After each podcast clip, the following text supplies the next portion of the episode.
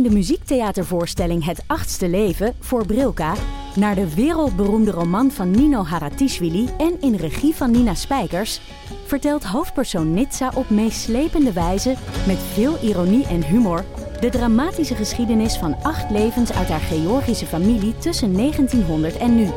Een hartverscheurend en tegelijk troostrijk drama verteld vanuit het perspectief van vrouwen uit verschillende generaties.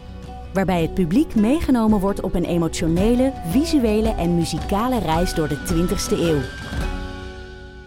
Koop je tickets voor het achtste leven via oostpol.nl.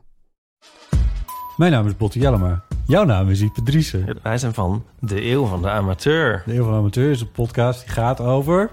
Alles. Het is een eh, podcast over levenskwesties die je niet kunt googlen. Een soort licht neurotische blik op het leven. Het is een podcast met humor. Jezus. Kijk, een grapje. Die, die vragen durft te stellen en die je ook onbeantwoord durft te laten. Mooi.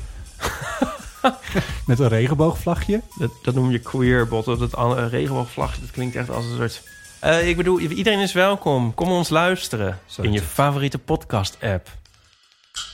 Dag lieve luisteraars, welkom bij Damn Honey.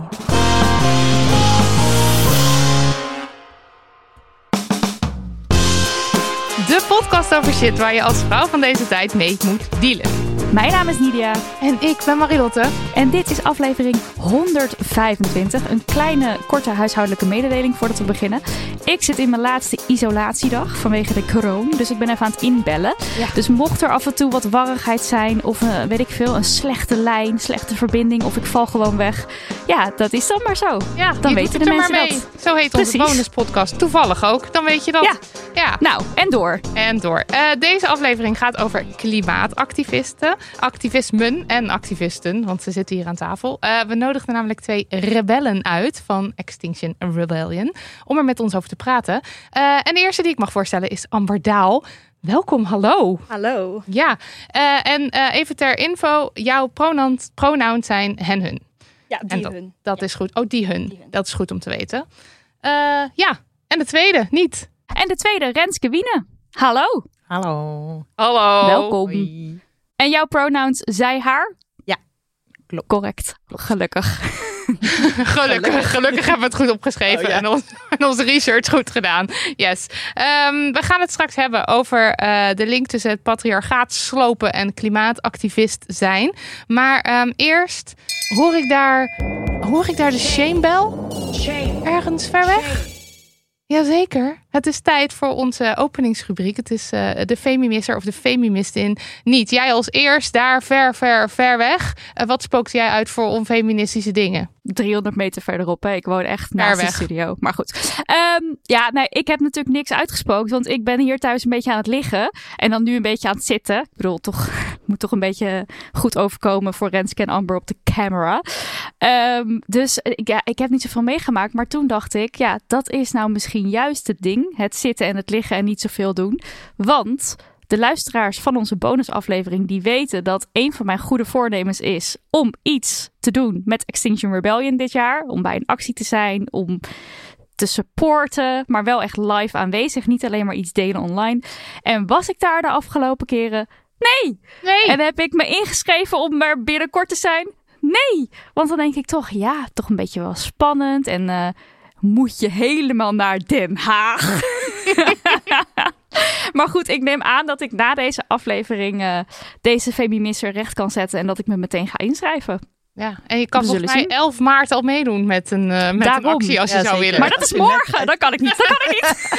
Morgen, volgens mij is het vandaag, als we het hebben over, de, over, de, over deze aflevering. Dat is vandaag. Ja, oké. we nemen niet op 11 maart op. Maar Nee, goed, oké.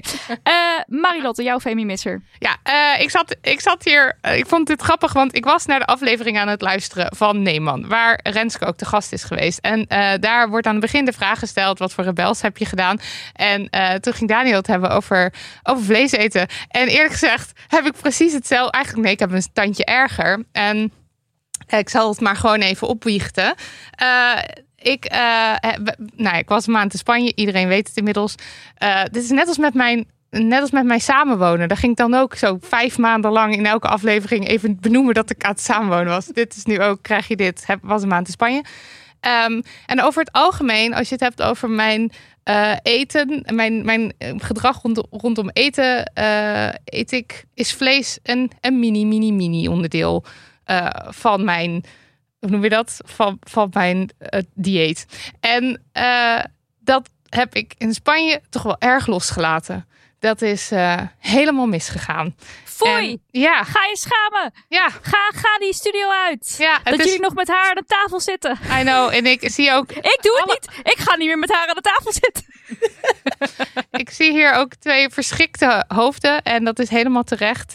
En eh, mijn leven wordt, is onmiddellijk al ge- gebeterd sinds ik weer in Amsterdam ben. Maar het was echt alsof ik van een soort, van een soort vega-vakantie was. Of hoe noem je dat? Niet, op een soort niet-vega-vakantie was. En eh, ik schaam me er erg voor. Ik vind het ook gewoon heel erg. Ja, dat is het eigenlijk. Ik word hier steeds kleiner achter de tafel. Want ja, mensen kijken me alleen maar aan. De stilte is ook wel luid. ons. Stilte is echt. Oké. Eh, Renske, wat is jouw femimisser? Ja, ik moest dus echt even denken. Eh, sowieso ehm, moet ik toegeven dat ik niet super vaak, eh, niet vaak genoeg heb geluisterd om te weten dat dit een terugkomende rubriek was. Dus Ah. mijn zus, eh, geweldig mens, Janneke, zij had u mij hierop gewezen dat ik er even goed over na moest denken. En toen dacht ik, oh shit, oké. Ehm, en ik dacht toen, Ah, is, nou, we hadden het er net even vlak van tevoren zaten we. Wat was jouw feminisser? Wat die van jou? Omdat ik dacht, oh shit, ben ik nu zo'n vroom mens dat ik niks kan bedenken. Misschien is dat wel het De verkeerde. zich. opperfeminist. Ja, precies. Het ultimate morele kompas. Maar ik had toen wel dat ik eh, dacht. Zeg maar, ik kom uit een heel kerkelijke omgeving vroeger. En eh, ik heb heel erg de neiging om dus als er zeg maar een, een man in pak, dat, dat als die tegenover ge- staat, dan gaat mijn stem zo. En dan zeg ik hoi. ik ben Renske. en dat vind ik echt zo verschrikkelijk. Want zeg maar, dan zie je er zo uit. En dan elke keer als er een man staat, zeg je hallo. Of aan de telefoon helemaal. Dan is het alsof je met een 12-jarige spreekt. En dat is echt een beetje mijn femi-misser. Want ik wil gewoon een coole... En je hoort, je hoort het jezelf doen. Want het is ook niet iets wat je in, in het regular leven Nee, Doet. precies. Zeg maar, je stem klinkt al een beetje vervormd in je eigen hoofd. Maar als je dan ineens klinkt alsof je zeg maar, een ballon helium hebt leeggezogen... denk je wel, oké, dat, eh, dat valt wel tegen. Dus daar kan ik zeker nog gaan werken. en, eh, en Amber. Ja, ik luister wel vaak de podcast, dus ik wist wel dat deze vraag ging komen. Dus ik ben goed voorbereid. Jij komt nu met een lijst, zo'n heel notitieboek. Ja, ja, precies. zo van, dit zijn me al mijn femimissers. Nou, ik heb best wel een klassieker, denk ik. Ik, heb, ik studeer geneeskunde en de afgelopen week heb ik alleen maar in mijn kamer gezeten in de boeken. Dus dan maak ik niet zoveel mee. Maar ik heb drie jongere broertjes en eh, die zijn heel handig. En daar maak ik altijd heel goed gebruik van. Heel Ik ben eh, twee maanden geleden verhuisd naar een tijdelijke woning. En ik had gordijnen nodig, want er hingen geen gordijnen. Maar ja, je gaat ook geen dure gordijnen kopen voor een tijdelijke woning. Dus heb ik van die soort papieren gordijntjes gekocht. En het enige wat er eigenlijk hoefde te gebeuren is even op maat knippen en met een soort dubbelzijdige tape dat vastplakken. Heb ik mijn broertjes vanuit een andere stad laten komen om dat voor mij te doen. en ik, nee, ik weet echt niet hoe dat moet. Dat, dat gaat me echt niet lukken in mijn eentje. Willen jullie alsjeblieft komen? Ik had het prima kunnen doen. Als je dan ook nog die extra hoge stem erbij Ja, hebt ja. gebruikt, dan is het helemaal compleet. Soms is het gewoon heel fijn als, als zij het even voor me regelen en dan eh, hoef ik het niet te doen. Maar ja, het is inderdaad wel een beetje spelen alsof ik minder kan dan ik Mhm. eigenlijk kan. Ja. Mijn eerste reactie was echt, oh my god, voor zoiets simpels. Maar toen ging ik iets langer nadenken en opeens herinner ik mij dat ik mijn zus ook een keer heb laten komen voor ja, Ja. iets van rolgordijnen. En dat zou zomaar precies hetzelfde systeem kunnen zijn. Dus ik zeg helemaal niks meer. En, en toen heeft ze, heeft ze mij ook nog geholpen, omdat ik zo was van, ik weet het niet. Ik heb, ik, we hebben hier ons alle, er hebben drie mensen aan deze tafel, deze tafel, zich schuldig aan gemaakt. We Yes. herkennen het erg. Tijd, tijd voor post. Post, Post. post, Post. post. Tijd voor post. Tijd voor post. Oké, komt-ie. Eh, hoi, lieve Nidia en Marilotte. Ik heb een dilemma. Ik wil bij de aankomende verkiezingen heel graag op Partij voor de Dieren stemmen, omdat zij, naar mijn mening, momenteel echt het beste met de wereld voor hebben qua provinciale staten en waterschap. Dus ik had bedacht, dan ga ik stemmen op de hoogste vrouw van kleur. Maar ik heb net zitten kijken naar de kandidaten. En voor de provincie Zuid-Holland en het Hoogheemraadschap Delftland staan er dus geen vrouwen van kleur op de lijst. Er staat wel één man van kleur op. Ik baal hiervan, want ik vind het heel belangrijk dat zeker ook de stoffige, tussen aanhalingstekens, provinciale staten en waterschappen diverser worden en een betere afspiegel van de maatschappij worden. En om in mijn feminisme niet alleen voor de witte, able-bodied, cis, hetero vrouw te strijden. Wat ga ik nu doen? Kijken of er een andere partij is waar ik nog wel oké, tussen aanhalingstekens, mee ben.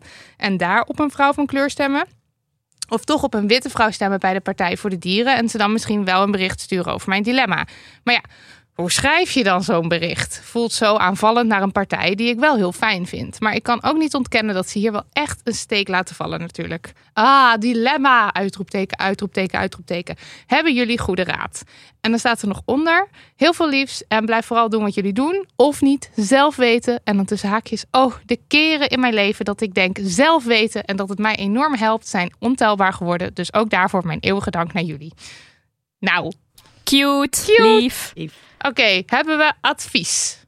Ik, ik wil eerst eventjes de mensen in de studio. eh ben heel benieuwd wat jullie te, aan deze, wat jullie te, te zeggen hebben over Ja, deze kwestie. Ik ook. Zal ik beginnen? Maar Het is een misser dat je geen vrouw of niet-man van kleur op je lijst hebt staan. Dat tegen een partij zeggen is geen aanval. Nee. Het is gewoon een feit. En het is een reden om niet te stemmen. En zeker als jij lid bent, maar ook als jij gewoon stemmer bent of als jij eh, dezelfde waarden hebt als die partij, maak je een partij alleen maar beter door te zeggen, joh, dit is hoe je kan verbeteren. Zeg maar, al die VVD'ers, die zitten ook allemaal te stijgeren bij een ander stikstofbeleid. Mhm. Die laten ook gewoon een stem horen. Dat is hoe je invloed hebt. Als wij als activisten ergens gaan staan, als wij in, wij komen allebei uit Rotterdam, als wij in Rotterdam ergens staan, is het niet omdat we een hekel hebben aan die stad. Het is omdat we van de stad houden. En die kritiek is juist omdat je iets beter wil maken. Ja. Dus ik denk, allereerst zeg alsjeblieft dat je dit vindt. Want heel veel partijen is het ook niet onwil, soms gewoon onkunde of onwetendheid. Dus dat ten eerste. Zeg dat als je alsjeblieft, het maakt dingen echt zoveel beter. En het is niet een aanval, je doet het uit liefde. Dan ten tweede, qua het stemmen. Ja, ik zou inderdaad even kijken of er een partij is die wel toch dezelfde normen en waarden aanhoudt. Helaas zijn dat er niet zoveel. Nee. En die, daar, eh, die dat wel belangrijk vinden. Ehm, en anders ja, zou ik toch echt wel eventjes diep induiken in wie zijn deze mensen. Want representatie is echt super, super belangrijk. Maar ik wil ook wel zeggen, het is ook niet alles. Zeg maar, een vrouwelijke CEO van Shell is er ook niet voor een betere Nee, wereld. precies. Ja. Het- dan helpt het niet om, om haar naar voren te schuiven. In die, want die staat niet achter jouw normen en waarden natuurlijk. Dus ja. daar heb je gelijk in. En Amber, heb jij nog wijze woorden? ja, vrij weinig aan toe te voegen eigenlijk. Eh, ik heb zelf een beetje hetzelfde dilemma, want ik zit ook een beetje met uit al mijn stemwijzers kwam Partij voor de Dieren. Ik ben zelf eigenlijk bij Ener, maar ja, die doen niet mee. Ehm, en toen bleek dat in Zuid-Holland de lijsttrekker een ex-ME'er is. En nou ja, we gaan vast zo Oh. nog wel even hebben over waarom ik daar geen groot fan van ben. Ehm, dus ik zit een beetje met hetzelfde dilemma. Ga ik dan wel alsnog op iemand anders op de lijst stemmen of gaat het een andere partij worden? Ik ben er zelf ook nog niet uit, maar ik denk dat het inderdaad heel goed is om gewoon naar de personen op de lijst te kijken. En ja, als je inderdaad niet iemand kan vinden die 100% vertegenwoordigt wat jij wil, zoek dan degene die daar het dichtstbij zit. Ja. En ja, wat je ook stemt, stuur inderdaad alsjeblieft een mail naar de Partij voor de Dieren. Ja, en, en ook qua vraag, want, want eh, in de brief staat dan, maar wa- wa- wat, hoe doe je dat dan, zo'n brief? Ja, je schrijft ook al in, in de brief, schrijf je van, het voelt aanvallend naar een partij die ik fijn vind, maar ik kan niet ontkennen dat, je, dat ze hier een steek laten vallen. Eigenlijk precies dat. Gewoon, ik vind jullie een fijne partij, maar jullie laten een steek vallen. En op het moment dat je misschien dan hierdoor niet op ze stemt, ook erbij zetten. En dit is de reden waarom ik nu niet ga stemmen op jullie, want ik denk dat dat ook wel een extra een extra zetje is. En eh, ja, wat jij zegt, Renske, eh, kritiek hebben betekent eigenlijk alleen maar dat je hoop hebt of zo. Dat je, dat je het de moeite waard vindt om Zeker. die kritiek te geven. Ja, wij gaan niet, zeg maar, ik ga niet Forum een mailtje sturen Nee. en zeggen, hey Forum, willen jullie alsjeblieft eh, transrechten in je programma zetten? Zeg maar, als je Nee. weet dat dat een verloren zaak is, dan ga je daar niet je moeite in steken. Dus ik zie het echt veel meer als een uiting van liefde en hoop. Ja. Ik geloof dat, het, dat die mensen ook iets aan willen doen om het beter te maken. Ja. Nidia, heb jij nog wat te Ja, zeggen daar? Nee, ik, slu- ik sluit me helemaal aan bij alles eh, wat jullie zeggen. Maar wat ik er verder nog wel over kan of wil zeggen, is dat ik denk dat het ook wel ergens logisch is dat er eh, minder vrouwen van kleur op lijsten staan. Maar ook bijvoorbeeld transvrouwen, gehandicapte vrouwen, trans mensen. Omdat de politiek niet een veilige, eh, comfortabele plek is. En omdat ze zichzelf niet gerepresenteerd zien. Dus ga er maar eens opkomen van, oh, ik ga in de waterschappen. Of ik ga eh, voor de Provinciale Staten op een kieslijst staan. En daarom is het denk ik heel belangrijk om organisaties zoals eh, Stem op een Vrouw of meer vrouwen in de politiek, om daar veel aandacht naar te geven. En als je dit dus een belangrijk thema vindt, ehm, je zou bijvoorbeeld kunnen doneren. Je zou ze kunnen aanraden bij vrienden die zelf op een eh, politiek geïnteresseerd zijn, maar wel het eng vinden of nooit die stap eh, zullen maken. Want deze organisaties die geven dus trainingen ook aan vrouwen, eh, vrouwen van kleur, gehandicapte vrouwen. Dus ehm, want kijk, uiteindelijk, dat ze niet op de lijst staan. Je weet natuurlijk niet wat daar precies het verhaal achter is. Dat kan een hele bewuste keuze zijn. Het kan ook zijn, er, is nu niemand bij onze partij die dat wil. Ja, waarom niet? Is je partij misschien onveilig? Het, het- klimaat, ehm, het politieke klimaat is natuurlijk ook heel onveilig voor vrouwen. Al helemaal voor vrouwen van kleur. Dus ja, ga er maar zitten eh, als, eh, als persoon van kleur. Of nou ja, wat ik net ook al zei, gehandicapte vrouw, transvrouw. Dus dit soort organisaties moeten denk ik ook volle ehm, tools krijgen. Ja. Om meer mensen te, op te gaan leiden en te gaan helpen en te ondersteunen waar mogelijk. Ja, en uiteindelijk is het natuurlijk zo dat 15 maart is de deadline, de harde deadline. En je moet met een lijst aankomen. En ja, nou ja, ik, eh, ja, ik heb er ook wel vertrouwen in dat uiteindelijk de wil er wel is. En dat het dan dus nu nog niet gelukt is, maar hopelijk de volgende keer wel. Ja. Ja, en ga stemmen. Dat, eh, eh, de- Ja, daar moeten we het misschien heel, heel even over hebben nog. Want eh, als deze podcast uitkomt, is het over een paar dagen al. 15 maart zijn de verkiezingen voor de Provinciale Staten en voor de waterschappen. En dat klinkt voor veel mensen misschien suf of alsof het er niet toe doet. Is niet zo. Ehm, we hebben hier trouwens een paar afleveringen al over gemaakt. Ook, met Devika eh Partiman van Stem op een Vrouw. Daar zullen we even in de show notes ook naar linken. Maar even goed om te weten, de Provinciale Staten, je kiest dan de vertegenwoordigers van de provincie. En eh, dat betekent dus dat zij eh, een belangrijk beleid bepalen. En dat is dan voor jouw provincie. Dus dat is best wel heel direct. Dat heeft gewoon invloed op, weet ik veel, gewoon de plek waar je woont. Ehm, en ze kiezen de leden van de Eerste Kamer. Wat ook gewoon heel veel invloed heeft op, eh, op beleid. En ehm, waterschappen, dat zeker water, dus letterlijk water is steeds belangrijker in het licht van klimaatverandering. En er is ook schaarste als het gaat over water. Ehm, en er is, eh, jij Nidia wees me op een heel goed stuk van, ehm van Sheila Sitalsing. Eh, van de, zij schreef in de Volkskrant een stuk over. Het is juist nu heel erg spannend als het gaat over waterschap. En ga, ga stemmen, want er is een schaarste aan water. En hier gaat het om: naar wie gaat het water toe? Wie krijgt er. Eh, wie krijgt er een streepje voor? Zijn dat de boeren? Zijn dat de, zijn dat, eh, de mensen, huizenbezitters? Zijn dat ehm, de mensen die strijden voor een beter klimaat? Wie krijgt hier eh, zeggenschap over? Dus ga stemmen. Lees je in. Ga nu. Zeg maar, zet de podcast nu uit. Lees je in. Mag ik één ding toevoegen? Want met de waterschappen is het ook heel belangrijk dat het niet alleen om klimaat gaat, maar het gaat ook over waterschade. Mm. Dus als jij bijvoorbeeld schade aan je huis ontvangt, dan gaan de waterschappen er ook over wie dat betaalt. Dus ondanks dat het niet jouw schuld is en vaak de mensen die bijvoorbeeld huren, die zitten in huizen die heel erg beschadigd worden, Mhm. dan zelfs al huur je en ben je niet bezitter van het huis, moet jij vaak wel die waterschade betalen. En veel mensen denken dat dat, dat gemeentelijk geregeld is of wettelijk of wat dan ook. Daar gaat waterschap over. Ja. Dus het gaat over de link tussen armoede en klimaatverandering. Ja. Die de aankomende vier jaar sowieso eh, er gewoon heel hard gaat binnenkomen. Ja. Dus daarin is het ook echt super belangrijk voor als je geeft om mensen om je heen die het wat minder hebben. Eh, in plaats van over het grote klimaat, wat misschien heel ver weg voelt, dan is het ook echt super belangrijk om in de waterschappen je goed in te Ja. lezen. Ja, ja, ja. En het is. ehm, trouwens, even een, een goede tip hierover is de aflevering eh, van Haagse Zaken over. Ik zet, hem, even- ik zet hem in de show notes, maar het heet eh, Boerenburgers en geborgde zetels. Waar ze dus helemaal erop ingaan over hoe het ook politiek werkt. En dus waar het ook invloed op heeft. Omdat het zoveel. Ja, iedereen wil schoon water. Dat is ook. Dat, yo, ze hebben daar ook in die podcast iedereen, alle lijsttrekkers en zo op een rijtje gezet. Die eigenlijk allemaal basically zeggen: wij gaan voor schoon water of zo. Terwijl iedereen wil natuurlijk schoon water. Iedereen wil drinkwater. Ehm, maar dat is niet alleen waar het over gaat. Dus dat is te vaag. En als je, je als je je afvalstoffen wil dumpen als bedrijf, wil je misschien wel geen schoon water. En als je dan de VVD hebt die zegt, ja, we willen wel regels, maar we willen niet te veel regels. Precies. Want het moet allemaal wel een beetje eh, leuk blijven. Nou goed, maar eh, je kunt op mijnstem.nl eh een kieshulpen vinden. Heel handig. En je kunt bij Stem op een vrouw, kun je alle vrouwen kiezen, aanklikken waar je op kunt, of bijna allemaal aanklikken waar je op kunt stemmen. En dan kan je je dus inlezen. Want we hadden het net al eventjes over, nou kijk dan even wat voor mensen dat dan zijn. Eh, en nog dan even heel kort de statistiek. Landelijk gemiddelde vrouwen provinciale staten is nu 33%. Landelijk gemiddelde vrouwen bij de waterschappen 27%. Niet genoeg. Nee. nee. Sponsortijd. Onze toch wel ja, vrij fantastische sponsor deze week is Theater Rotterdam. Theater Rotterdam maakt theater, toontheater en leidt de nieuwste generatie makers op. En dat doen ze zowel op hun thuisbasis. Rotterdam. Je verwacht Verrassend. het niet. Ja.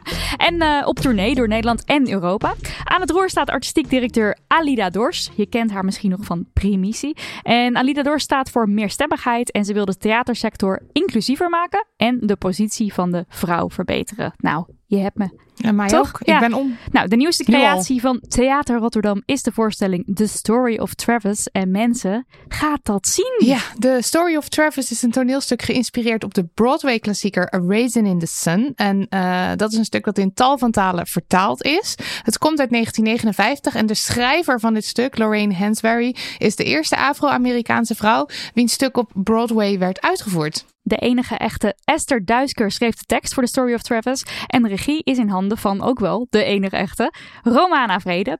Eh, zal ik dan even zeggen waar het over gaat? Het gaat over Travis, een zwarte man uit Chicago. En hij gaat als tiener op reis. Hij wordt verliefd, krijgt kinderen en uiteindelijk bouwt hij zijn leven op in Nederland. En op 78-jarige leeftijd keert hij terug naar Chicago, naar zijn familiegraf. En daar blikt hij terug op zijn leven. En even een mooie quote over de voorstelling. Gewoon omdat we van mooie quotes In poëtische monologen, herkenbare familiesituaties en spirituele dialogen bevraagt de voorstelling The Burden of the Black Dream en hoe het is om als enige hoop van je familie de wereld ingezonden te worden. En het is een unicum hè, in Nederland. Mhm. Want eh, het is natuurlijk een super wit theaterlandschap wat we hier hebben. En een mannelijk theaterlandschap ook. En de initiatiefnemers van deze voorstelling zijn vijf zwarte vrouwen. Love it. Het is ehm, eh, dit soort grote producties van biculturele verhalen, die, ja, die, die, die zie je ook eigenlijk veel te weinig. Hè? Dus bedoeld voor een divers publiek eh, en bedoeld voor grote Ja. zalen bovendien. Niet zo van, nou je mag nog wel even ergens achter in een hoekje dit gaan doen. Er wordt eigenlijk heel weinig gemaakt, veel te weinig. En nu is het er. Dus ga! Ga, en wij gaan. Wij gaan, wanneer Wij gaan, we ook wij gaan de, de 26e, over twee weken. Fijn dat ik een PA heb die dit gewoon kan vertellen. Kan niet wachten. Eh The Story of Travis gaat 11 maart in première en toert daarna lekker door het land. Ga naar www.tr.nl van Theater Rotterdam TR slash Travis voor de speellijst en om tickets te kopen. Doe het, koop het.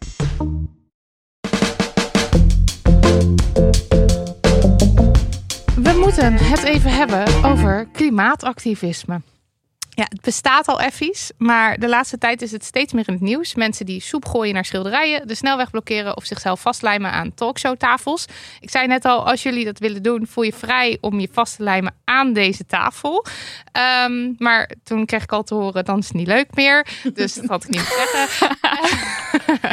en eh, deze week nog trouwens was er een, eh, volgens mij was dat eh, ja, de- de- deze week nog was het een, eh, een actie bij de Nachtwacht in het, eh, in het Rijksmuseum. Ook van Extinction Rebellion. Want there's no art on the dead planet. Ehm, Ja, wat ook wel leuk is over die actie, dat was dus van Extinction Rebellion Youth. ja, de jongeren. Ja. Die waren, dat waren tieners, hè? Ja, Superleuk. heel bijzonder. Ja. Ehm, waarom op deze manier actie voeren? Waarom überhaupt actie voeren? En hoe feministisch is de klimaatbeweging eigenlijk? Ehm, Renske, ik begin even bij jou. Is er in jouw ogen een link tussen eh, feminisme en klimaatactivisme? Ja, natuurlijk. Ja. Ik denk eh, dat de link twee kanten op werkt. Eh, je hebt de link waar komt het vandaan en de link waar gaat het naartoe. Als je kijkt naar waar het vandaan komt, dan zie je dat de manier waarop wij met de aarde omgaan heel erg te maken heeft met hoe we met elkaar omgaan. En waar duidelijk hele patriarchale, mannelijke waarden, en kapitalistische waarden heel erg voorop staan. Dus het gaat om hoeveel kan je verdienen? Heb je meer dan iemand anders? Ehm, ook gewoon het gebruik van geweld. En daarmee eh, eigenlijk je dominantie over andere mensen uitzetten.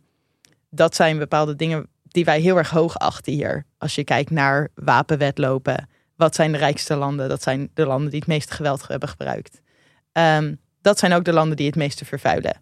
Omdat het heel erg gaat om, ik pak al deze dingen Mhm. ten koste van jou. Ja. Eh, dat zien we, nou ja, de, de gevolgen voor klimaatverandering. Dat, dat is een symptoom van eigenlijk die oorzaak. En we zien dat dat ook gaat met hoe verhouden we ons ten opzichte van vrouwen en andere niet-mannen. Daar pakken we eigenlijk ook veel dingen die niet van ons zijn. Zoals bijvoorbeeld iemands lichaam eh, ten koste van onszelf. Als we dan kijken naar waar gaat het naartoe? Als je eh, klimaatverandering is een feit. Als je klimaatinstorting hebt en maatschappelijke instorting, dan zie je ook dat de eerste rechten die worden weggehaald, zijn vrouwenrechten, zijn transrechten. Mensen die worden geweigerd bij opvangen, zijn transmensen en non-binaire mensen. De mensen die eh, heel veel seksueel geweld ervaren, zijn vrouwen.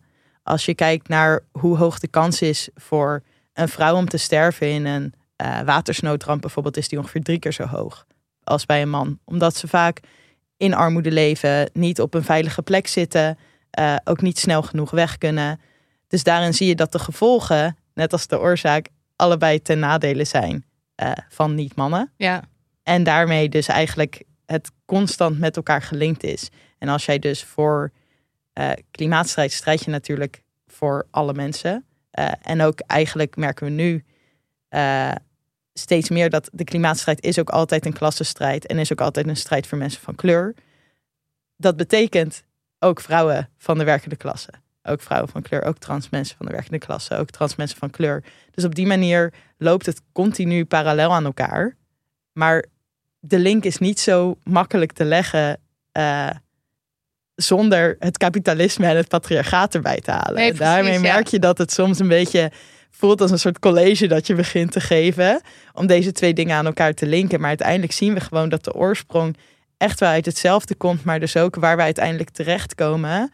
Dat we daar ook echt zien dat de rechten waar we nu ons zo hard voor maken, die er nog steeds niet zijn. Dat dat omdat het vaak de meest recente zijn en daarmee als het meest arbitrair worden gezien, ook de eerste zijn die weer ingeperkt Ja. worden. En daarmee het dus, nou ja, we zien gewoon dat die onrust die daardoor ontstaat, dat dat juist echt de gemarginaliseerde groepen het hardst raakt. Ja.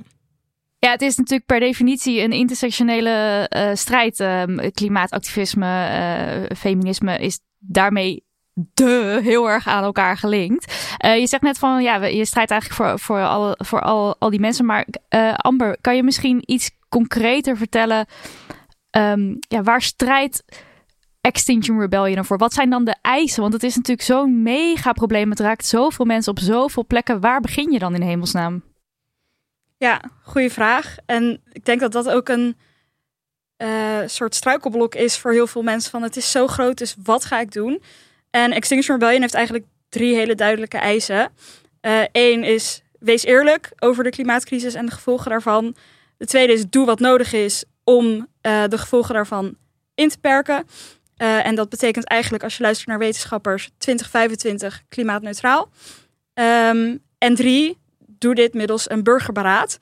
Ehm, dus eigenlijk wat Extinction Rebellion niet wil doen is zeggen... wij zijn experts, dus wij gaan vertellen welke concrete stappen er moeten worden genomen om dit op te lossen. Dat weten wij niet. Wij zijn gewoon burgers die ons hier heel erg zorgen over maken. Eh, en een burgerberaad is een manier om ja, eigenlijk daarin burgers meer inspraak te geven. Eh, en dan is er nog een vierde eis. Eigenlijk is dat een nulde eis, die er steeds, in steeds meer steden bij komt. En die gaat helemaal over klimaatrechtvaardigheid. Dus het erkennen van dat westerse landen de grootste veroorzakers zijn. En daarbij ook eh, de implicatie dat er bijvoorbeeld herstelbetalingen moeten komen naar de mensen die het eerst getroffen worden eh, in gebieden waar de klimaatcrisis nu al veel meer aanwezig is dan hier. Oké, want ik heb het woord burgerberaad, hoorde ik ook eerder in de podcast van Neeman. Eh, wat, wat houdt een burgerbe- burgerberaad in? Hoe werkt dat dan? Of is dat ook niet iets waar, waarover, eh, wat, je, wat je dan voor je ziet als Extinction Rebellion zijnde? Nou, een burgerberaad is eigenlijk een manier van directe democratie, waarbij een groep burgers wordt gelood. En dat is wel een representatieve groep. Dus er wordt gezorgd dat alle lagen van de samenleving daarin vertegenwoordigd worden. Ehm, en die gaan vervolgens met experts in gesprek en met belanghebbers over een probleem. In dit geval dus de klimaat- en ecologische crisis. Ehm, En dat is een proces wat lang duurt. Dus dat, is niet, dat doe je even in een middagje. Eh, zodat zij alle informatie eigenlijk tot zich kunnen nemen die ze nodig hebben. En vervolgens gaan zij met elkaar een plan opstellen. En ehm, advies geven aan de beleidsmakers. En de eis van Extinction Rebellion is ook dat dat een bindend burgerberaad moet zijn. Dus dat het kabinet niet vervolgens kan zeggen... nou, leuk, eh, leuk advies, doen we niks mee. Ehm, en je ziet bijvoorbeeld dat het in, kijk jou van Ierland, volgens mij, rondom abortus is dit gedaan. En heeft dat eigenlijk heel goed uitgepakt. Omdat Ah. dat als burgers ja, goed geïnformeerd worden over zaken, dat ze daar ook hele weloverwogen keuzes in kunnen maken. Dus eigenlijk krijg je dan tijdelijk een soort nieuwe baan. Ik neem aan dat je hier gewoon voor betaald wordt als je in een burgerberaad plaatsneemt. Ja. En dan, eh, net als eigenlijk als je bij, eh, of ik weet eigenlijk niet of je daarvoor betaald wordt, maar in, in België heb je nog steeds ehm, bij rechtszaken, bij strafzaken, dat ze de elf, geloof ik, elf mensen, Jury volksjury. Ja, een Ja. jury Judy. Judy. Ja, eh, ja, precies. En dat je dan dus echt helemaal eh, vrijgemaakt wordt van, eh, van je dagelijkse taken, zodat je vol hierop kunt storten. Oké, heel interessant. Ik, ja. ja, het lijkt me ook namelijk heel moeilijk als je daar als burger neer wordt gezet. Ja, zeker. Er zitten ook wel echt een aantal randvoorwaarden aan eh, Ja, een burgerberaad. Dus inderdaad dat het betaald moet zijn. Eh, dat je genoeg tijd ervoor moet, eh, moet vrijmaken. eh, of moet kunnen vrijmaken. Dus ook, er moet bijvoorbeeld kinderopvang geregeld worden. Als jij Ja. kinderen hebt. En dat je dus goed geïnformeerd wordt. En een heel groot voordeel van een burgerberaad is dat de lobby eruit wordt gehaald. Want als je nu kijkt naar beleid, dan zie je dat beleidsmakers heel weinig, veel te weinig tijd hebben. Heel vaak veel te weinig tijd hebben om eigenlijk goed beleid te maken. ja. En daardoor zegt de lobby gewoon: maak je geen zorgen, wij hebben experts. Eh, Ja. Dus zeg maar, de gaslobby doet dat, maar zeg maar, milieuorganisaties hebben ook lobbyisten die zeggen: hey, wij willen wel wat kamervragen voor je opstellen, maar die zijn gewoon veel minder groot dan bijvoorbeeld de fossiele industrie. Eh, want daar zie je dat bijvoorbeeld toen de Green New Deal werd gemaakt met Frans Timmermans, toen zijn zij in de week dat dat werd afgerond, zijn zij elf keer langsgekomen op zijn kantoor. eh, om dus mee te schrijven. Wat basically uiteindelijk heeft uitgemond in dat zij echt een, nou ja, er een hele slag en stoot mee hebben gemaakt. En hem op zijn kop hebben gezet, die Green New Deal. Waardoor uiteindelijk de fossiele industrie er best wel heel goed uit is gekomen. Ehm, en dat is ook gewoon een kwestie van tijd die beleidsmakers niet hebben. En als je het dus bij de burger legt, dan trek je die lobby er volledig uit. Want dan krijgt iemand gewoon een volledig verhaal. En dan kunnen ze aan de hand daarvan hun beslissingen nemen. En je ziet vaak dat Ja. als mensen die informatie krijgen, ze veel verder gaandere klimaatmaatregelen willen nemen. Ja, zolang ze maar op de hoogte zijn. En dat, dat ontbreekt natuurlijk. Eh, en wat ook een van die eisen is eh, van Extinction Rebellion: van zorg dat, het, eh, dat de, feiten op tafel liggen. Dat er, niet, dat er eerlijk gepraat wordt over wat er, waar, hoe we ervoor staan. Nou, over het klimaat zijn natuurlijk altijd vet veel. eh, ehm, over klimaatverandering. er zijn allerlei misverstanden omheen. Zoals bijvoorbeeld een beter milieu begint bij jezelf. Ehm, ja, hoe kijken jullie naar die zin? Bullshit. Bedacht door de fossiele industrie Ja. om de schuld maar bij ons te leggen. Dat we ook vingertjes naar elkaar gaan wijzen. En ondertussen niet doorhebben dat eigenlijk de grote bazen van die bedrijven de planeet verzieken. Ja, het is een hele, hele slimme marketingstrategie eigenlijk. Is het dan ook zo dat als je je aansluit bij... Is een hele flauwe vraag dit. Als je je aansluit bij Extinction Rebellion... en je bent gewoon lekker de hele tijd aan het vliegen... dat er dan dus geen vingertjes gewezen worden? Of is er toch een soort gevoel van... oké, maar we moeten het wel ook wel zelf doen? Nou, ze kijken je gewoon met hele grote ogen aan. Nee, heb ik En net dat is het zelf dan. ervaren.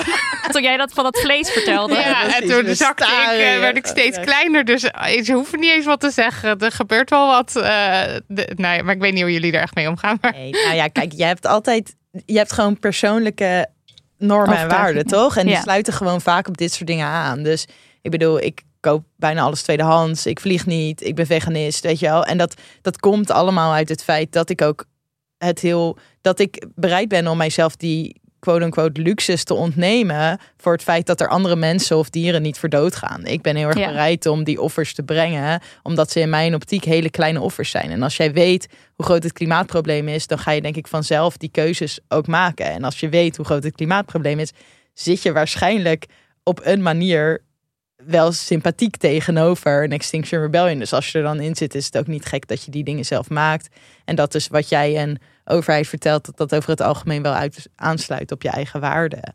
Ehm, maar het is absoluut niet een vereiste. En het is denk ik ook belangrijk dat niet iedereen kan eh, veganist zijn, maar ook niet iedereen kan niet vliegen. Als jij familie in Marokko hebt zitten en jij zit in je eentje hier, dan ga ik jou, eh, wiens hele familie in zeg maar 30 kilometer omtrek van mijn huis zit, ga ik jou niet vertellen dat jij nooit naar huis mag vliegen om je familie niet te zien. Nee, precies. Dus Ja. weet je, dat is ook wel echt iets waarvan ik denk: oké, als je als beweging inclusief wil zijn, dan is het ook gewoon goed. Tuurlijk moet je kritisch naar jezelf kijken en kijken wat voor beslissingen kan ik nemen. Maar je kan ook echt wel coulant richting iemand anders zijn. Dat is juist ook wat we best wel een beetje prediken.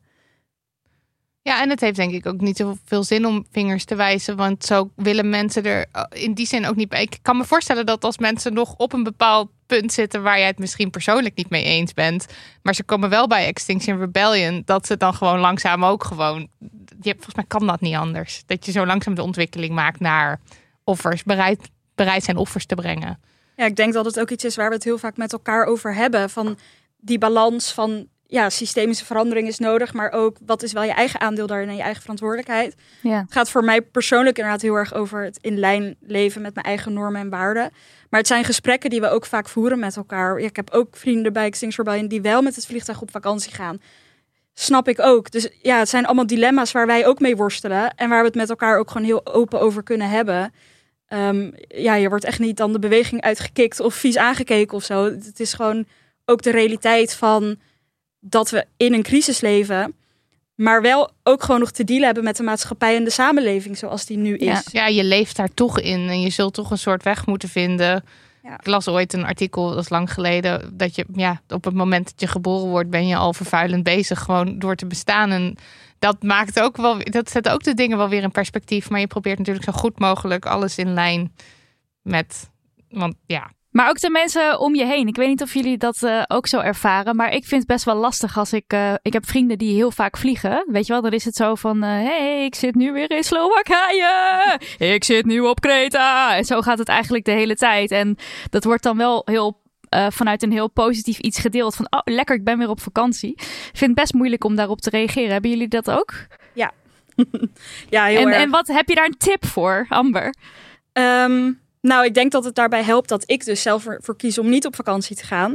Eh, mijn ouders hebben bijvoorbeeld afgelopen jaar een grote reis gemaakt en ik ben ook bewust niet meegegaan. Mijn drie broertjes wel. Ehm, dus mensen weten dat wel. Dus ik denk dat mensen sowieso al minder snel enthousiast tegen mij komen en zeggen: ah, ik ben op vliegvakantie daarheen geweest. Ehm, maar ik denk dat het ook heel erg gaat om ja, het moment kiezen om het daar wel of niet over te hebben. Als iemand naar mij toe komt en helemaal enthousiast is over diens vakantie, dan ga ik niet zeggen, nou, het is wel heel stom dat je met het vliegtuig bent gegaan. Ja, dan ga ik misschien twee weken later een keer stuur ik een artikel door over hoe vervuilend vliegen is of zo. Dus Ja. ja, vooral heel erg die momenten kiezen. En soms is het ook gewoon, dan heb ik een gesprek met iemand gehad en dan bel ik achteraf Renske bijvoorbeeld. Ja. Ik, nou, wat die nou weer heeft gezegd, weet je wel, dan hoef je dat ook niet tegen diegene op dat moment te zeggen. Ja, even onderling met elkaar het... eh, Ja. Even, even, erover even praten. erover roddelen een beetje en dan kan je het weer eh, aan. Nog zo'n idee dat je bijvoorbeeld als eh, echte man-man niet vegetarisch of vegan kan zijn. Of eigenlijk gewoon überhaupt je bezighouden met ehm klimaatproblematieken. Want dan ben je natuurlijk soft en niet mannelijk genoeg. Ja, dit is echt een win voor het kapitalisme Ja. natuurlijk. Hè? Dat Ja. we gewoon ongeveer Echt de helft hebben hoor. overtuigd dat ze echt, nou ja, dat ze echt niks kunnen als ze, als ze veganist zijn of eh, wat dan ook. Ja, mijn oproep hier aan alle mannen die luisteren. Doe het eens beter. Echt waar. Want Ja. ik vind echt dat zeg maar feministische mannen. Eh, dan, dan sta je op de feminist march en dan zeggen ze "Ah, gelijke rechten, weet je wel. En dan gaat het om klimaat en dan durven ze niet hun vrienden aan te spreken. En dan durven ze niet, zeg maar, gedragsverandering komt door de mensen om je heen, weet je wel. Dat, en, en Johan Derksen gaat niet zijn gedrag aanpassen omdat ik hier zeg, Johan Derksen is een lul. En hij moet gewoon iets anders doen. Zeg maar, dat, dat komt niet van mij, dat komt van de mensen. Iemand dicht bij hem. hem. Ja. Precies. En ik vind dat mannen ook eh, veel meer hun verantwoordelijkheid moeten nemen. En gewoon elkaar moeten aanspreken op dit soort dingen. En er, want dit is ook gewoon iets wat al super lang in de industrie eh, voorbij is. Het echt een marketing eh, truc.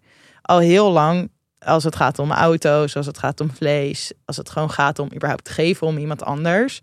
Ehm, en ik denk dat heel veel mannen die nu zeggen: Oh, weet je wel, ik ben best wel links en woke of ik ben whatever.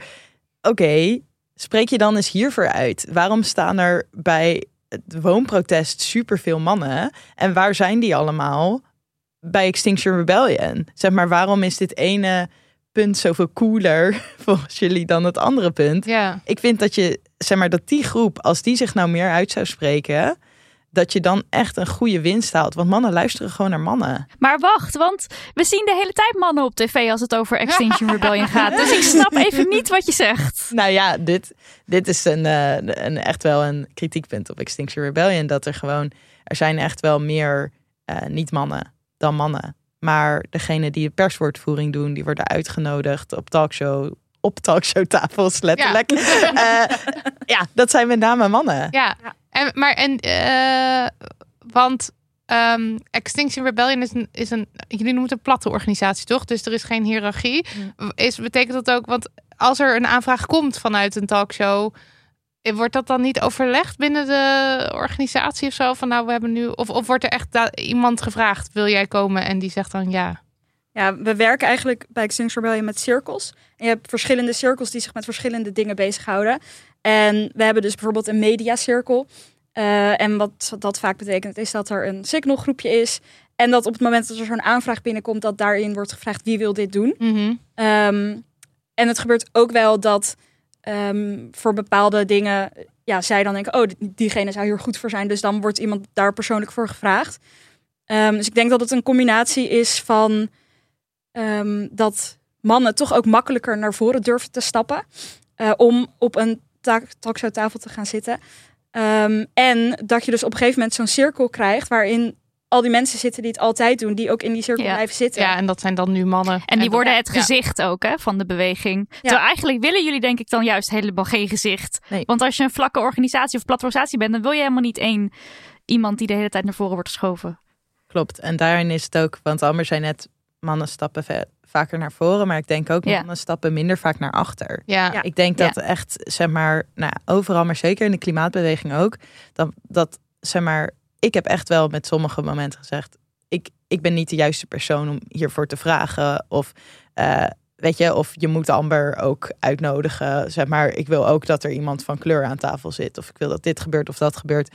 En eh, ik merk gewoon dat mannen dat minder snel doen. Dat die vaker dan zeggen, ja, maar voor de beweging ga ik wel eh, Ja, ja. dit interview doen of zo. Of een soort idee van als ik het niet, dan doet niemand het. Ja. Maar ja, tuurlijk gaat niemand het doen als jij die ruimte niet creëert. Nee, daarvoor. want jij Ja. gaat, is dit er al. Ja, Ja, precies. En dat is misschien, ik denk dat dat niet altijd met zeg maar malicious intent is, maar Nee. het is wel iets wat eh, ons wel wordt aangeleerd, ruimte maken. Ja, precies. En ook denk ik heel erg vanuit dus, eh, mannen denken ook vaker dat ze het wel kunnen. eh, waar eh, als je, nou ja, als je vrouw bent, ik, ik heb dit hoe, nou ik weet het niet hoor. En imposter syndroom dit en.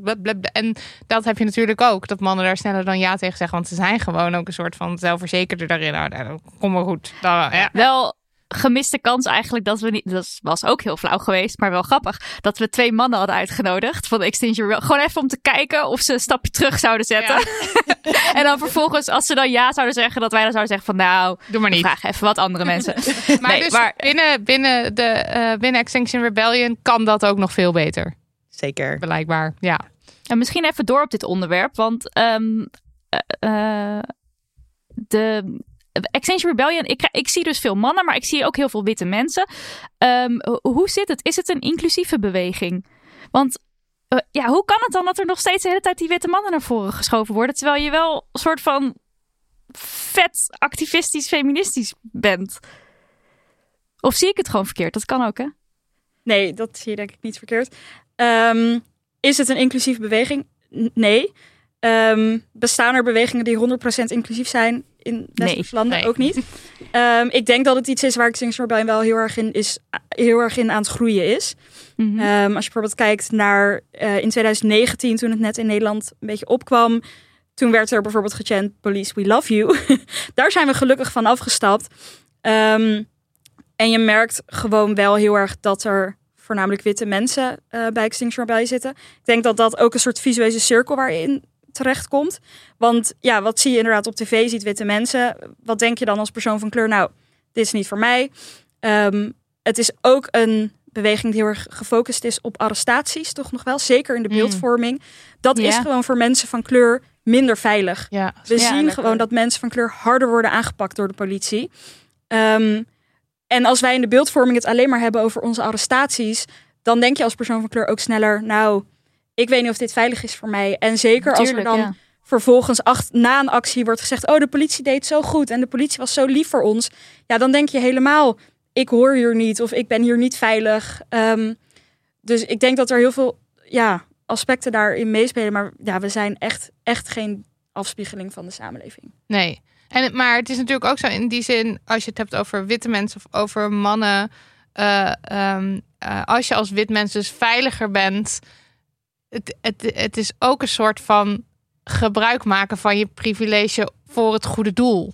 Net als als je als man besluit om toch het woord te voeren, omdat je misschien eh, als je een vrouw naar voren schuift of iemand van kleur naar voren schuift, die krijgt meer shit over zich heen dan een witte man waar dan dus wel naar geluisterd wordt. Ja, zeker. Ik denk ook wel, zeg maar, dat je als beweging, eh, ja, zeg maar, je, je, je kopieert het gedrag dat je ziet in de Ja. samenleving. En dat, dat zit altijd, zeg maar, innerlijk, net als ik met mijn hoge stemmetje, zeg maar, zit dat Ja, in gewoon je. in. Ja. Dus dat is ook niet gek dat je dat herhaalt. En ik denk ook wel dat sommige van dat gekopieerd gedrag, je kan het ook gebruiken, zeg maar. We, we zien echt wel dat als we, nou ja, niet alleen bij Extinction Rebellion, maar ook bij Black Lives Matter protesten, dat we kijken van, oké, kunnen we een rand van witte mensen eh, tussen de, de mensen die aan het demonstreren zijn en de politie vormen, om te zorgen dat we mensen veilig kunnen houden. Zeg maar, op die Ja, manier kan je echt je privilege gebruiken. Ehm, maar ik denk hierin dat het ook echt wel het, het, zeg maar, het ophemelen van gearresteerd worden bijvoorbeeld heel erg is. En Ja. het ook eh, niet altijd solidair zijn met elkaar. Dus wat we ook doen is dat we bijvoorbeeld zeggen, oké, weet je wel, mensen, eh, wat we zagen op eh 26, 28 januari, 28 januari, eh, waren we aan het demonstreren en ik was bijvoorbeeld anoniem, dus dat betekent dat ik geen identificatie of wat dan ook bij me heb. Nou, nu weten ze allemaal wie ik ben, maar ja. maar ehm, en dat we toen zagen we op het politiebureau dat mensen die geen Nederlands spraken, die werden gemarkeerd. Die kregen een bepaald bandje om. En dat doen ze dan om bijvoorbeeld eh, mensen in vreemdelingendetentie te zetten en allemaal Oh. dat soort dingen. Dus ik riep naar de hele groep: we moeten Engels gaan spreken. Iedereen moet Ja, dit nu doen. ja. Want iedereen die to- daar toen nog stond, die had geen identiteitsbewijs bij zich of wat dan ook. Ehm, en vervolgens zie je dus dat sommige mensen eh, dat heel actief doen. Want ze kunnen ons niet allemaal naar vreemdelingendetentie sturen. Dat is het hele punt van die massa-arrestaties Ja, en dergelijke. Ze kunnen ons niet allemaal iets aandoen. Dus dan worden we vaak vrijgelaten. Eh, en dan merk je dat er toch mensen zijn die dan eh, zeggen van... hey, eh, ik ga toch het Nederlands praten en ik geef toch stiekem een idee... eh, want dan kom ik er Oh. snel uit. Maar Ja, dat ja, is ook die intersectie in inclusiviteit. Want wat nou, want we werden echt urenlang vastgehouden. Wat nou als jij autistisch bent en je zit er gewoon en je trekt het gewoon helemaal niet meer. Ja. De politie is super naar tegen je. Wat als jij een paniekaanval hebt? Wat als het gewoon echt helemaal niet goed met je gaat? Dan moet je ook een way out hebben, zeg Ja. maar. Dus daarin is het wel echt soort van. Dan, dan denk ik, nee, je moet solidair zijn en je moet er gewoon blijven staan. Maar zeg maar, ik, ja, ik bepaal het niet voor anderen. Dus daarin is het wel echt, eh, omdat er een outside force is, de politie die gewoon zo heftig tegen ons kan zijn, is het zijn van inclusief eh, en zeg maar op een breder maatschappelijk niveau naar elkaar omkijken, is op zo'n crisissituatie niet altijd het eerste wat in je opkomt. En kan dus ook Ja. daarmee Ja. voor een heel lastig moment zorgen. En want nu hebben we het dus veel over inderdaad arrestaties, over heftig ehm, optreden van de politie. Maar jullie doen niet alleen dit soort acties, toch?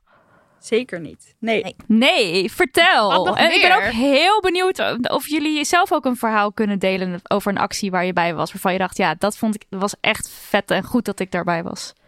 Daar moet ik even over nadenken. Maar wat Extinction Rebellion gewoon heel goed kan, is op hele artistieke manieren een boodschap overbrengen.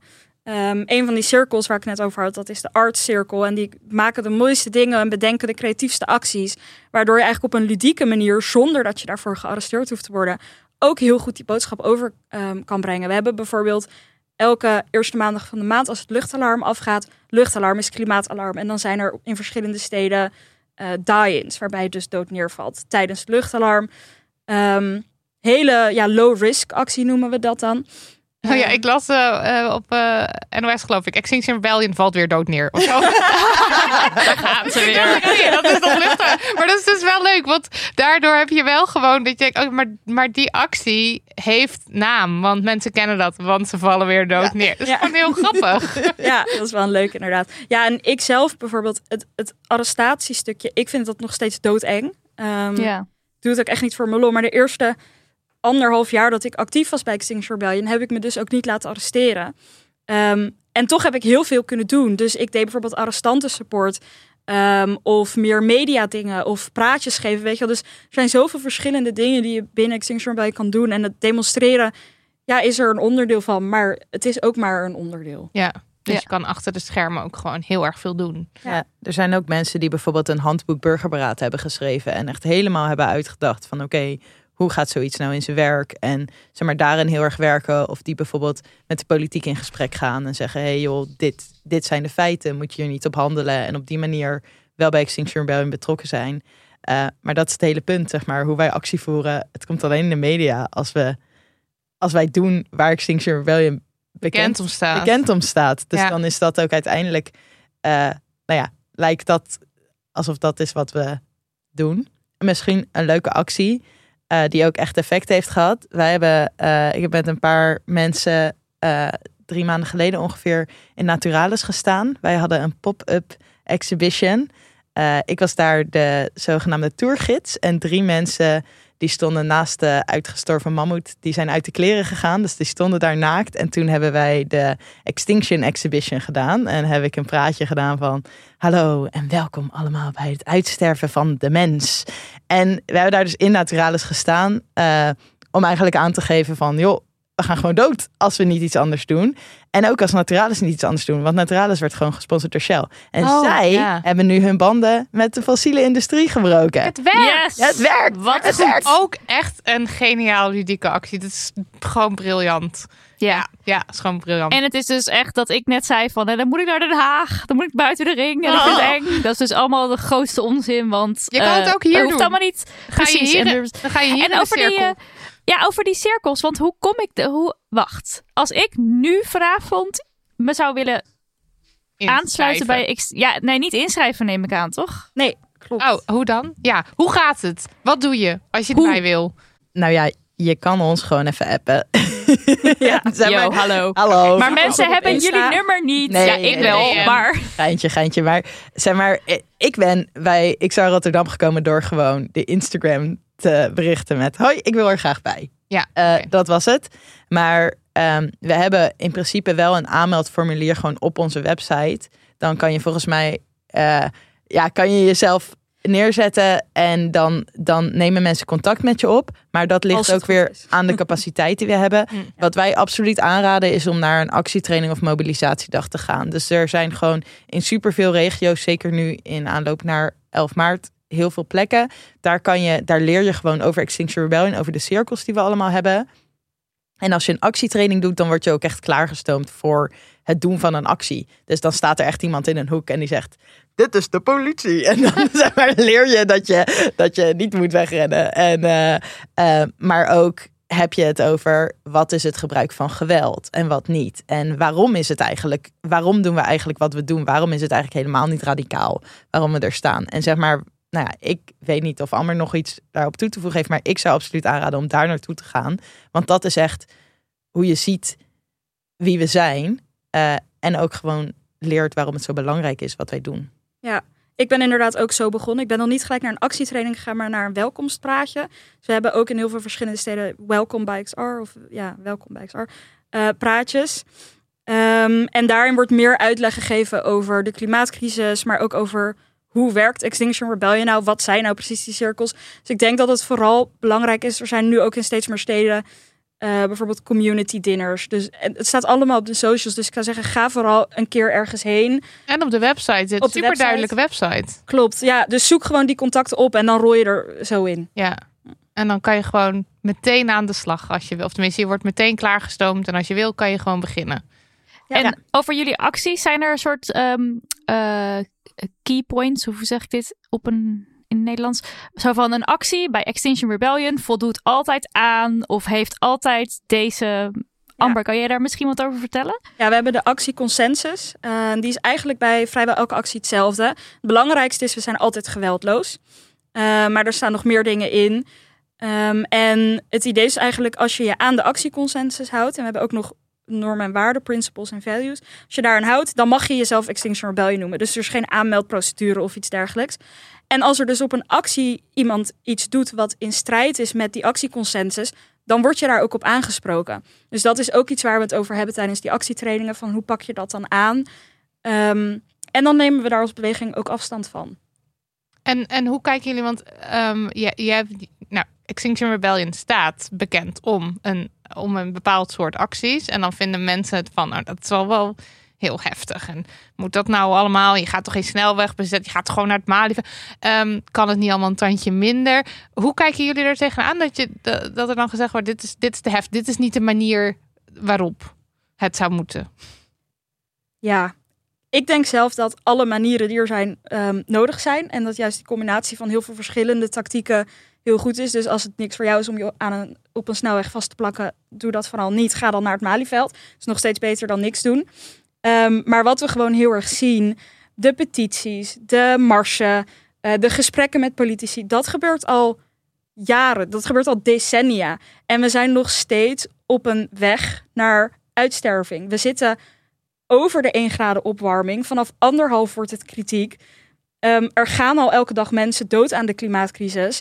Wanneer is het dan veroorloofd om dit te gaan doen? En voor, voor mij is dat nu. De gevolgen zijn zo groot. En ja, het is zeker vervelend als jij onderweg bent, ergens belangrijks naartoe en wij zitten daar op de weg. Weeg niet op tegen de um, vervelende gevolgen die de klimaatcrisis met zich mee gaat brengen. Ja, wanneer moet je dan uh, actie voeren? Zeg maar, wanneer de wereld vergaat. Oké, okay, dus nu. Ja, dus dan is het te laat. Ja. ja. en ook gewoon als het gaat om van waarom op deze manier. Zeg maar, no, uh, no offense naar iedereen die op de Feminist March was gisteren hoor. Maar als je kijkt naar NOS en zeg maar, wat stond daar de hele dag op de voorpagina? Extinction Acht kinderen ja. in een museum. Ja. Die ook niet zijn gearresteerd. Die gewoon zeiden, oké, okay, wij gaan weer weg. Ja. En vervolgens naar buiten gingen. Die stonden de hele tijd daar. En dan ben je met 5000 man. Zeg maar, hoe, hoe nou ja, naar is dat. Dat je dus met zoveel mensen kom je aan en je bent veel meer tijd en, en ruimte kwijt in je organisatie. Je zegt, als je alsjeblieft kom. En er staat één lullig, dus dit is niet offense naar mensen die zijn gegaan. Echt super, super goed. Maar wel richting de media en hoe die dingen oppakt. Ja. Er staat één lullig artikeltje met, ze zijn er weer en het heet nu Feminist March. En ja. dat was het zo ongeveer. Terwijl, zeg maar, het Rijksmuseum alles hing ermee vol. Dus zeg maar, daarin is het ook, waarom voeren we op die manier actie? Omdat uh, wij ook bij al die marsen zijn geweest. En ook zien hoe weinig er echt wordt gezegd over onze eisen. Nu zien we iets dat werkt. Dat iedereen zegt, oh, jullie staan nu in alle musea. Ja, jullie geven er allemaal aandacht aan. Dan blijven we wel terugkomen. Ja, ja, ja. Want dit is zo hard nodig. En het enige wat wij te verliezen hebben als activisten is ons ego. Uh, en dat mensen ons misschien belachelijk en stom vinden. Ja, zo so be it. Ik ben echt bereid om dat soort dingen allemaal op te geven. Als, dat, als ik er één leven mee kan redden, dan is het toch al genoeg. Ja. En het argument dan van, um, oké, okay, jou persoonlijk stom vinden, maar gewoon klimaatactivisten stom vinden en daarmee misschien ook gewoon alles rondom klimaat en daarmee bezig zijn heel irritant en vervelend gaan vinden en massaal op de Boerenburgerpartij gaan stemmen, zoals de peilingen er nu bijvoorbeeld uitzien. Nou ja, we groeien wel gewoon sneller dan ooit. Ja. dus zeg maar, ik denk wel dat. Uh, en ik denk ook wel dat je. Ik zou liever niet willen dat het zo ver komt. Maar we zien de gevolgen van klimaatverandering nu al. Uh, en daarmee is het zodanig een feit dat mensen eigenlijk. Op een gegeven moment heb je geen keus meer of je het leuk vindt of niet. Ja. Um, en we zien hierin ook dat. Uh, uiteindelijk zijn er ook maar zoveel mensen die je moet overtuigen. 76 mensen die een zetel hebben in de Tweede Kamer die moet je eigenlijk zover krijgen om iets te veranderen. Ja. Uh, en dan kunnen mensen massaal uh, op bepaalde partijen stemmen. Maar als die mensen die die partijen vertegenwoordigen uiteindelijk ook zien hoe groot het probleem is. Of door onze burgerlijke ongehoorzaamheid het gewoon zo onhoudbaar is om er echt niks aan te doen. Dan is dat wel gewoon echt die verandering. Dus daarin is het ook echt wel een stukje, oké, wat is nou die effectiviteit? En waarin kijk je nou echt naar, oké, wat het leven is? En dan ben je misschien niet geliefd, maar heel veel bewegingen uh, waren in, de, in het verleden ook echt niet geliefd. Als je naar de suffragette movement keek. En die hebben gewoon, die hebben schilderijen gewoon echt met messen doorheen gestoken. Ja, en die niet- hebben dingen opgeblazen. Zeg maar, die waren echt niet. eh, iedereen zegt nu, oh wauw, dat waren echt hele, Hele mensen. Ja. precies. Mensen hadden echt een grafhekel aan ze. En ze deden ook echt wel dingen fout. En ze waren echt totaal niet inclusief naar bijvoorbeeld zwarte vrouwen. Maar ik denk wel van, dus als je, als je dat al. ehm, als we daar nu op terugkijken, denken we, wow, heel nobel doel. Want we, want we vinden het heel goed dat vrouwen nu stemrecht hebben. Ja, en het heeft, dat heeft er ook aan bijgedragen. Het was gewoon Precies. belangrijk dat dat er ook was. Precies. Trouwens, heel even één ding. Even side, side weggetje. Ik was dus, eh, ben vandaag eindelijk begonnen om me in te lezen in alle in de, in de partijdingen voor de, voor de verkiezingen. En ik zat dus ook bij eh, de Boerenburgerbeweging te kijken. Maar daar ze- hebben ze best wel duidelijk ook iets staan over dat ze voor referenda zijn en voor eh, dat de burgers dus moeten besluiten. En toen dacht ik dat, dat, dat in die zin sluit dat ook wel ja, weer aan. Ho, ho, ho, ho, ho.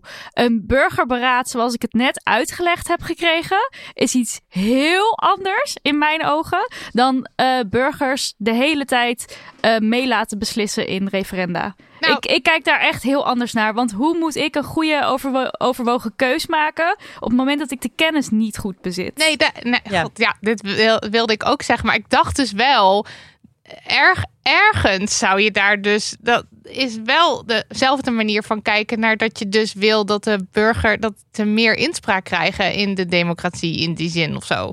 Nou, ik ben benieuwd. Amber, hoe kijk jij ernaar? Ehm, ja. ja, wat zal ik daarover zeggen? Ik denk dat er zeker.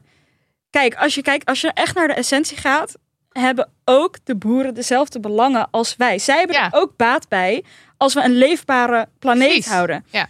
Ehm, alleen als je dat wil gaan bereiken door klimaatverandering te ontkennen of door, eh, nou ja, simpelweg fascistische eh, partijprogramma's neer te zetten, ja, dan zitten we daarin toch echt niet op dezelfde lijn. En dan kan je nog zoveel inspraak willen, net zoals wij, maar Dan Ja. is het gewoon iets totaal anders. ja. Ja. Ja, en ook als, als boer zijnde op de korte termijn. Ja, op de lange termijn wil je, wil je wellicht dat de mensheid mag, mag blijven bestaan. Maar op de, veel boeren denken toch ook juist op de korte termijn. Want ja, ik moet gewoon mijn brood op de plank. En, en hoe moet dat dan met dit enorme bedrijf? En, en we krijgen, als we geen subsidie meer krijgen. Dus, en dat is ook, ehm, dat hoorde ik jou geloof ik Renske zeggen in eh Neeman. Dat het niet sexy is om de hele tijd over klimaat te praten binnen politieke context. Omdat het over de lange termijn gaat. En je wil gewoon lekker scoren en lekker stemmen binnenhalen. En gewoon op de korte termijn dingen beloven. Ja, maar en, en het is dus zo dat we maar heel kort, we, de mensen, maar heel kort regeren. Als in elke, elke vier jaar denken ze weer, oh kut, ik moet weer iets seksies zeggen, want anders stemmen ze niet meer op mij. En dat, is, dat staat helemaal haaks op wat we willen bereiken, namelijk een langdurig, duurzaam, eerlijke toekomst. Ja, en het is denk ik een stukje eigen belang versus eh, groter belang. Ja, Ehm, wij zijn niet aan het demonstreren omdat wij willen dat wij meer subsidie van de overheid krijgen of zo. Weet je? Dus dat vind ik dan toch ook wel een belangrijk verschil daarin. Ja. En er is ook natuurlijk, weet je, de Farmers Defence Force boeren die met eh, prinsenvlaggen staan te, staan te demonstreren. Dat is een andere groep dan de kleinschalige biologische boeren die ook willen kijken hoe ze hun bedrijf, hun boerenbedrijf, ehm, ja, toekomstbestendig kunnen maken. Oké, laten we een laatste vraag gaan doen en langzaam gaan afronden. Kijk ik naar Marilotte of ze het daarmee eens is. ja ik ben helemaal ik ben benieuwd welke, welke afsluitende vraag jij in eh, petto hebt Nou, voor de mensen. Eh, hoe, jullie, hoe jullie naar de toekomst kijken. Want ik vind het heel eng, bijvoorbeeld zelf, persoonlijk. Zijn jullie nog enigszins hoopvol? Ja, dat is waarschijnlijk wel zo, want anders sluit je je niet aan bij Extinction Rebellion. Ehm, ik heb toevallig, eh, doe ik deze week en vorige week ook een praatje bij Hang Youth van tevoren. En hun EP heet dus ook Ben je bang? En ze vroegen van, oh, wil je daar ook een praatje over doen? En toen was ik dat aan het schrijven. En toen dacht ik, mijn god, ik ben echt bang voor alles. Mm. Want ik ben ook bang dat ik dus, zeg maar, als een lul wordt afgeschilderd overal, weet je wel. En ik, ik ben ook echt, ik ben echt bang voor de boeren, bijvoorbeeld. En eh, zeker op 11 maart. En, eh, maar, maar met die angst komt dus ook een soort woede van, ik ben zo bang, eh, maar ik ben ook zo boos dat er, zeg maar, dat, ik ben zo bang dat het zo slecht gaat. Ik ben zo boos dat we nog steeds zo weinig doen, weet je wel. En ik ben bang nou ja, het was ook een beetje een grapje, maar ik ben bang voor de boeren, maar ik ben ook boos, want ik wil ook gewoon de trekker, weet je wel. Ik wil ook gewoon zo hup, ergens Ja, op komen ja. rijden en zeggen, hé, hey, eh, krijg mij maar eens weg, weet je wel. Maar ik denk waar ik het meest bang voor ben, is die apathie en zeg maar dat nihilisme van, eh, oh, het, het maakt toch allemaal niet meer uit. Ja. Eh, we kunnen toch Ja. niks meer doen. Want dat is echt, zeg maar, dat is echt de winst van de status quo. Dat als wij allemaal zeggen, oh, laat maar zitten. Het is zo eng en het is zoveel. Want zeg maar, tuurlijk, anderhalve graad is kritiek. Maar drie graden is nog veel erger. En zeg maar, er Ja. zijn zoveel fases ertussen. En, en zelfs al zit je in een klimaat, zeg maar, in, in een ingestorte maatschappij kan je je alsnog blijven verzetten tegen fascisme, tegen seksisme. Je kan alsnog zeggen: Oké, wij gaan nu een commune bouwen eh, binnen, zeg maar, in dit moeras waar ooit eens Amsterdam heeft gelegen. Zeg maar, er is altijd een mogelijkheid eh, tot het, het mooie uit, uit de mens halen. En ik denk wel daarin van: Oké, ik ben super bang voor hoe de toekomst eruit ziet. Maar ik ben nog veel banger voor wat er gebeurt als wij allemaal gewoon eh, het erbij neerleggen en zeggen: Ja. Oké, laat maar, want, want ik weet wel wie er dan wel doorgaan. Ja. En dat ziet er nog veel enger uit. Ja. En, eh, en jij, Amber? Nou, ik denk nu we hadden beter met jou kunnen eindigen. Want ik, ja, ik ben niet zo hoopvol meer. Ehm, ik merk, jij zegt heel vaak, ik ben heel erg bang. Ik ben meer verdrietig. Omdat ik gewoon eigenlijk al een soort rouwproces door aan het gaan ben van ehm, het, het, het leven wat ik voor mezelf in mijn hoofd had. En de, de wereld die ik in de toekomst voor me zag. Omdat ik gewoon dat niet meer zie gebeuren. Ehm, en ik merk dus ook dat in mijn motivatie om eh, met activisme bezig te zijn, dat dat de eerste anderhalf, twee jaar heel erg was vanuit. En wij gaan dingen veranderen en dan komt het goed. En dat ik ook gewoon ergens dacht, als je deze kennis hebt, dan moet je iets gaan doen. Want je kan niet dit weten en dan denken, nou, zien, we, Ja. zien we over vier jaar wel. En dat ik steeds na elke actie, zeg maar, zeker toen ik eh, me ook ging laten arresteren, dat je dan dus wordt vrijgelaten en dan zie je één of twee nieuwsartikelen en dan de volgende dag is er niks meer. En dat ik keer op keer daarmee werd geconfronteerd. En dat ik nu eigenlijk ook zoiets heb van ja, blijf wel activistisch, want wat moet ik anders? Ehm, en ik wil in elk geval doen wat ik kan. Maar dat ik, ja, echt dat idee van dingen gaan veranderen en we gaan er wat van maken, zo, dat, dat heb ik echt niet meer. Ehm, en nou ja, ik hou me inderdaad ook wel echt voor elke tiende graad opwarming die we kunnen voorkomen, Perceptie, Gaat ja. mensenlevens redden. Ehm, dus in die zin genoeg reden nog steeds om activistisch te zijn. Maar ja, ik zie de toekomst niet heel positief meer in. En wat, eh, je zei van het leven, hoe ik het vroeger voor me zag, dat, zo zie ik het nu niet meer. Eh, wil je daar iets meer over vertellen? Nou, bijvoorbeeld, ik heb echt al vanaf mijn negende een kinderwens. Ja. Ik liep altijd, ik wil twaalf kinderen. Nou, daar ben ik wel een beetje van teruggekomen. Maar ja, dat is toch ook wel een proces waar ik nu soort van in zit. Van oké, waarschijnlijk gaat dat gewoon niet gebeuren. Omdat ik gewoon niet een kind op de aarde wil zetten die klimaatramp na klimaatramp mee gaat maken.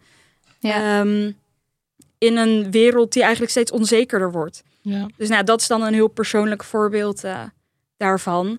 Maar ook ja, gewoon alle rampen die nu al gebeuren, ehm, eh, niet in Nederland, dus ver weg. Ik geloof ook heel erg dat, dat we allemaal daarin met elkaar verbonden zijn. Dus ook Ja. die pijn, ja, die voelen wij hier ook. En de ene is zich daar misschien meer van bewust dan de ander. Ehm, maar dat is ook een soort, ja, daar zit ook heel veel verdriet achter. Ja, en eh, wat betreft rouwproces, heb jij, voel jij dat ook zo, Renske? Ja, zeker. Over de toekomst? Ja, ik heb wel. ehm, nou ja, ik wil bijvoorbeeld absoluut geen kinderen. En ik rouw ook wel echt op het feit dat altijd als ik zeg dat ik boos ben om klimaat, dat dan mensen zeggen: Oh, is dat omdat je kinderen wil? En dan denk ik, tuurlijk denken jullie dat. Dat het zeg maar, terwijl alleen kunnen rouwen om zeg maar toekomstige witte kinderen en, en niks anders. En voor mij is het wel echt. Ik weet nog dat op een gegeven moment toen ehm, was er een filmpje van allemaal mensen die, die een vliegtuig opstapten om volgens mij te vluchten uit Afghanistan. En die echt op de vleugels van een vliegtuig zaten. En, er, en je zag het vliegtuig opstijgen en ze eraf vallen. Ik heb daar gewoon, ik heb mijn werk moeten afzeggen voor echt drie dagen. Want omdat ik het zag en er iets in mij gewoon brak. En ik dacht echt, mijn god, dit is zo verschrikkelijk. En eh, dit is echt, zeg maar, we, we, het is alsof we zien het soms als een soort film wat er, wat er allemaal gebeurt. Maar dit, dit gebeurt mensen gewoon. En ik hou eigenlijk niet zo super erg om mezelf. Omdat ik ook weet welke privileges ik heb. En dat ik, nou ja, omdat ik niet per se gebonden ben aan kinderen of een baan of wat dan ook. Ik kan gewoon weg. Maar ik rouw gewoon zo voor, zeg maar, de mensen die, die lijden onder het feit, zeg maar, dat wij nieuwe schoenen willen of zo. Het voelt gewoon zo, eh, zo echt verschrikkelijk. Echt, een beetje Hunger Games-achtig of zo. Van hoeveel mensen moeten er doodgaan voordat we dus iets doen. En daarmee rouw je eigenlijk ook gewoon voor een soort menselijkheid Ja. eh, in, in de mensen om je heen. En, en in, in dat je denkt, oké, dus we zien mensen doodgaan. En we zien mensen gewoon hun hele leven verliezen. Eh, en wat doen we? We lopen op straat met een, eh, met een vlag die zegt geen AZC. Ja. Zeg maar, hoe, hoe is, dat, is dat onze reactie? Zeg maar, dat, eh, daar rouw ik echt om. Ja. Dat, dat ik andere mensen hun hart niet zie breken hiervoor. Ja. Eh, en dat is echt, ja, dat doet zoveel pijn. En ik vind dat zo moeilijk om te zien. Eh, want dat, ja, en, en, en dat is wel echt wat jij zegt inderdaad. Met dat van, gebeurt er nog iets, verandert er nog iets. Eh, en, en, eh, en daarin voel ik wel echt een soort gigantische angst. Waarvan ik ook denk, oké, dit is echt zo'n can of worms van trek hem maar eens open en probeer dan dat maar eens terug te stoppen en weer gewoon, je, de volgende dag moet je gewoon weer naar je werk. Ja. Eh, Doe Ja. dat maar eens. Dat, is vind ik ook zo'n mindfuck. Dat, Ja. dat Maar hoe, eh, eh, hoe, hoe doen jullie dat dan? Want ook Amber, jij beschrijft net ook dat verdriet en zo. Maar waar ga je dan heen met die... Of, ja, Ja, ik denk het overigens, overigens sluit ik me heel erg aan hoor. Want al deze gevoelens herken ik heel erg. ja, ik wil dat ook hier als even eh, zeggen dat alles hier heel herkenbaar koude is. interviewer hier gewoon alleen maar zakelijk zit. Want ik, Ja. ik, ik heb ook al deze gevoelens. Maar wa- hoe gaan jullie daar dan mee om? Ja, het grootste gedeelte van de dag ehm, probeer ik dat toch een beetje weg te stoppen. Je moet wel, want ja, wat ik zei, ik studeer geneeskunde, dus ik moet gewoon elke dag aan de studie. En Ja. als ik alleen maar in mijn hoofd bezig ben met al het leed in de wereld, dan kan ik dat niet. Ehm, en daar zit ook wel een soort gevaar in, wat ik, wat ik bij mezelf merk, dat ik het dus steeds moeilijker vind om echt bij dat gevoel te komen. En dat ik dus wel echt ook bewust die momenten creëer dat ik gewoon even ga zitten en dat ga voelen. Ehm, want ik wil dat niet kwijtraken. Ik wil niet ook die menselijkheid in mezelf, waar jij het net over had, Renske, die wil ik, die wil ik niet bij mezelf ook kwijtraken. Ehm, en dat voel ik soms wel een beetje dat je er soort van voor afstomt. Hmm. Omdat Ja, het hè? elke dag is het weer slecht nieuws en weer slecht Ja. nieuws en weer slecht nieuws. En dat is denk ik ook iets heel fijns van Extinction Rebellion. Dat zeg maar ja, echt mijn beste vrienden zitten daar, omdat je het over dit soort dingen kan hebben en daar samen om kan rouwen en dat je dat niet allemaal in je eentje hoeft te dragen. Ehm, en daar zit, daar zit wel nog een stukje hoop voor mij in, in die community die we binnen Extinction Rebellion hebben. En soort van het voorleven al van hoe je, ja, hoe je het anders zou willen zien. Hoe we Ja. anders met elkaar om kunnen gaan. Dus eh, als, als tip aan de mensen die zich ook herkennen in al deze gevoelens, is het ook nog een soort extra push om je aan te sluiten bij Extinction Rebellion. Want daar zitten alle mensen die met dezelfde zorgen en dezelfde angst en dezelfde leegte, denk ik, ook heel erg zitten. Waar je in ieder geval dan je hart kunt luchten. En zo is het dan toch nog een enigszins hoopvolle afsluiting. Prachtig. Met de call to Ik action. hoop dat de mensen dat allemaal vinden. Ja, wij allemaal aanmeldingen. hè. Volgende keer Ja. soep uitdelen aan alle nieuwe honeyballen. Misschien zouden we een Demoney... ehm alle, alle- we noemen onze luisteraars honingballen. Een soort van, nou, iedereen die geïnteresseerd is... dat er een soort iets georganiseerd kan worden. Maar goed, daar gaan we wel even later Gaan we over wel even nadenken... of zoiets wel- mogelijk ja. is. Via de socials ongetwijfeld. Dit was aflevering 125. Renske Amber, heel erg bedankt. Nou ja, ten eerste voor al het werk wat jullie verzetten en al het actievoeren wat jullie doen. Maar ook dat jullie ehm, dat vandaag ook nog bij ons in de podcast wilden doen.